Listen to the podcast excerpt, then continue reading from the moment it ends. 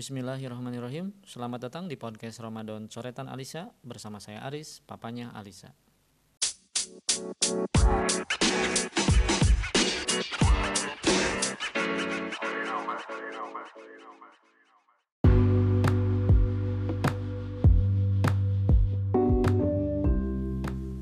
Halo ayah bunda, sahabat Alisa Bagaimana kabarnya hari ini?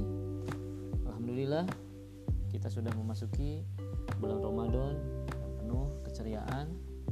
Di sebagian daerah terlihat begitu semangat dan ramainya umat muslim berbondong-bondong menuju masjid untuk melaksanakan sholat tarawih berjamaah. Lalu bagaimana dengan ayah bunda? Saya percaya ayah bunda mampu menjalankan ibadah saum ini dengan baik, bisa mengajak anak-anak kita, putra-putri kesayangan untuk belajar mau sholat tarawih berjamaah di masjid. Ayah bunda sahabat Alisa, jika diperhatikan, begitu nikmat menjalankan ibadah di bulan Ramadan ini. Mengaji tadarus bersama, sholat berjamaah lebih sering, atau mungkin sekedar berkumpul bersama keluarga di sore hari menjelang berbuka. Yang biasanya hal ini jarang dilakukan di hari-hari selain bulan Ramadan. Namun sayangnya seperti Ramadan tahun lalu, tidak semua umat muslim bisa menjalankan rutinitas sholat berjamaah bersama di masjid atau berkumpul dalam majelis-majelis ilmu yang banyak bertebaran di bulan Ramadan ini. Penyebaran virus corona COVID-19 yang terus terjadi masih menyisakan ketakutan dan keraguan di masyarakat. Apalagi masyarakat di daerah-daerah yang memang termasuk zona berbahaya. Semoga pandemi ini bisa cepat berakhir dan masyarakat bisa kembali beraktivitas dengan normal seperti biasanya. Ayah bunda sahabat Alisa, jika kita melihat pada sejarah Rasulullah Shallallahu Alaihi Wasallam hanya menjalankan ibadah saum Ramadan sebanyak 9 kali saja. Hal ini karena ibadah saum Ramadan baru pertama kali diperintahkan kepada Rasulullah sesudah beliau hijrah ke Madinah pada tahun kedua Hijriah. Namun selama 9 kali menjalankan ibadah saum Ramadan, Rasulullah Shallallahu Alaihi Wasallam banyak mencatatkan beberapa peristiwa bersejarah yang tidak akan terlupakan.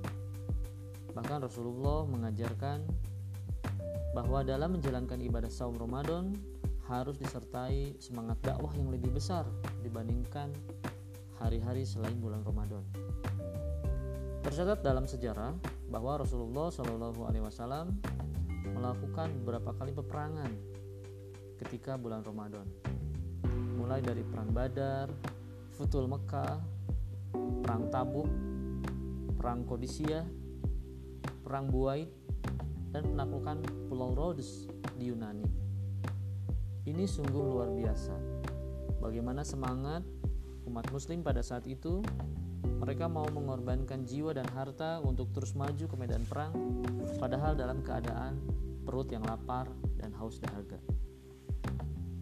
Ayah bunda sahabat Alisa, mengapa para sahabat Rasulullah Shallallahu Alaihi Wasallam begitu semangat menjalankan dakwah meski dalam keadaan haus dan lapar?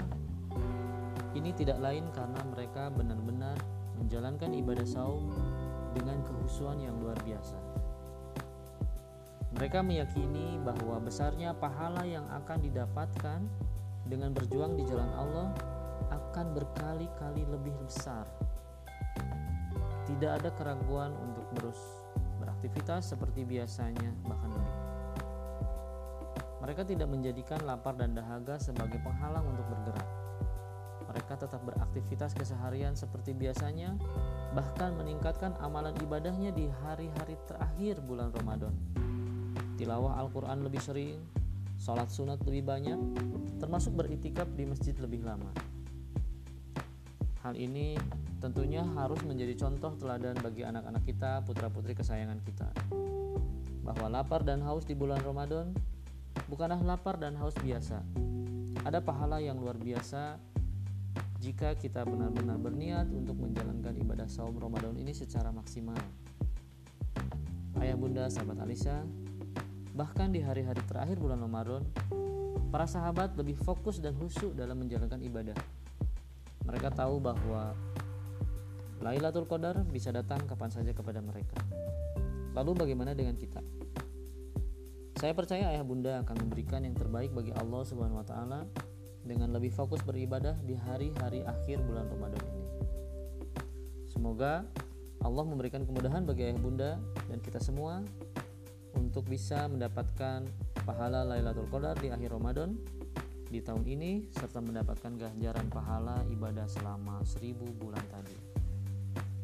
Ayah bunda sahabat Alisa, mungkin pandemi COVID-19 bisa menjadi hikmah bagi kita untuk lebih mendekatkan diri kepada Allah Subhanahu wa taala.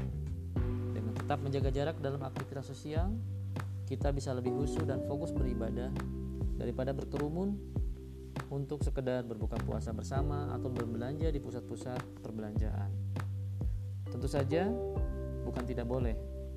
Selama aturan protokol kesehatan tetap dijaga, ayah bunda masih bisa berbuka bersama dengan keluarga, saudara, dan teman-teman dengan aman dan nyaman pastinya. Semoga Ramadan kali ini menjadi jalan untuk kita semua terbebas dari COVID-19 dan tetap memberikan kebaikan, keberkahan bagi kita hingga akhirnya bertemu dengan hari Raya Idul Fitri nanti. Saya Aris, terima kasih. Sampai bertemu di episode podcast selanjutnya.